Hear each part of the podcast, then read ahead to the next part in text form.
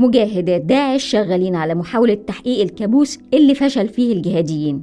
بسقوط دولة الخلافة المجاهدات اشتغلوا بكثافة في ملف جهاد النكاح. بدرجة وصلت لإجبار قصر تحت سن 13 سنة على ممارسة الجنس تحت تأثير الفياجرا. تفاصيل مروعة نشرها موقع ديلي بيست نقلا عن تجارب أطفال محتجزين في معسكرات اعتقال الداعشيات. هنستعرض معاكم أهم تفاصيلها في بودكاست دقائق.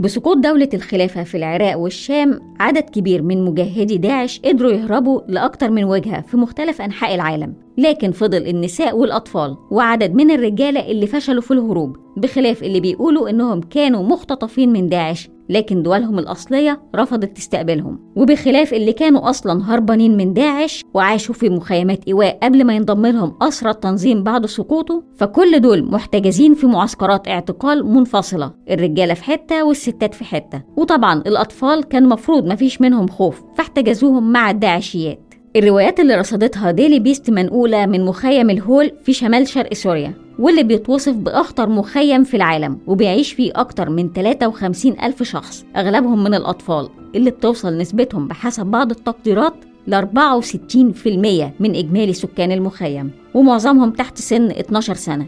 مجاهدات داعش المحتجزات في المخيم بحسب التقرير اللي نشرته ديلي بيست قرروا يكملوا المسيرة. لازم يخلفوا جيل جديد وضخم من أشبال الخلافة لإعادة إحياء الكابوس. بس كان في مشكلة كبيرة بتقابلهم. مجاهدي داعش محتجزين في معسكرات منفصلة. بالتالي فما كانش فيه أي أمل. إلا بطريقة واحدة. العيال اللي لسه بيتصنفوا كأطفال وبالتالي محتجزين معاهم في نفس المخيم لكنهم وصلوا لمرحلة البلوغ. ومن هنا بدأت المصيبة. بحسب الروايات اللي نشرتها ديلي بيست نقلا عن مسؤولين ففي قصص متوثقة لأطفال قصر بيحكوا بالتفصيل حكايات مروعة عن إجبارهم على ممارسة الجنس بكثافة مع عدد كبير من محتجزات داعش. حراس المعسكر اعترفوا تحديدا بشكوى وصلت من عشر أطفال. بعضهم قال إن الموضوع وصل لإجباره على علاقة مع 8 ستات بشكل متتالي في فترة زمنية وجيزة جدا ما عدتش كام يوم. الموضوع مش مقتصر على مخيم الهول على ما يبدو لأن في حالات مشابهة اتوثقت في مخيم روج المجاور واللي بيضم 3000 محتجز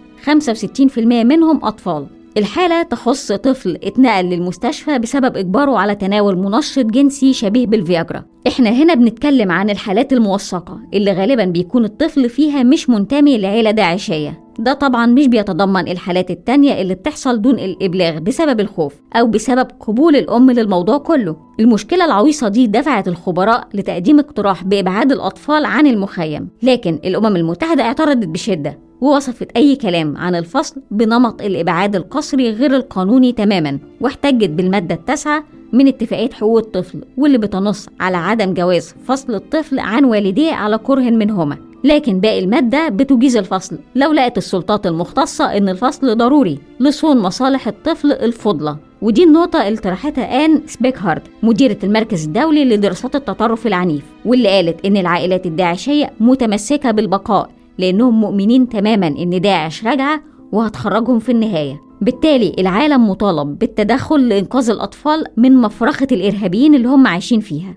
المفروض إن مراكز التأهيل دي حماية للأولاد عشان يتعالجوا نفسيا وما يتحولوش للتطرف. لكن حتى تقارير الأمم المتحدة بتعترف إن المراكز دي مش مؤمنة بشكل كافي وإن في مخاوف من اختطاف الأطفال هناك أو تعذيبهم أو بيعهم لتنظيمات إرهابية. هنسيب لكم المصادر في ال description. لكن هيفضل السؤال هل يكون فصل الأطفال هو الدواء المر قبل ما تتحول مراكز الاحتجاز لمعمل تفريخ لإعادة إحياء الكابوس؟ ولا لأ؟ هنستنى تعليقاتكم وهنا بتكون انتهت حلقتنا.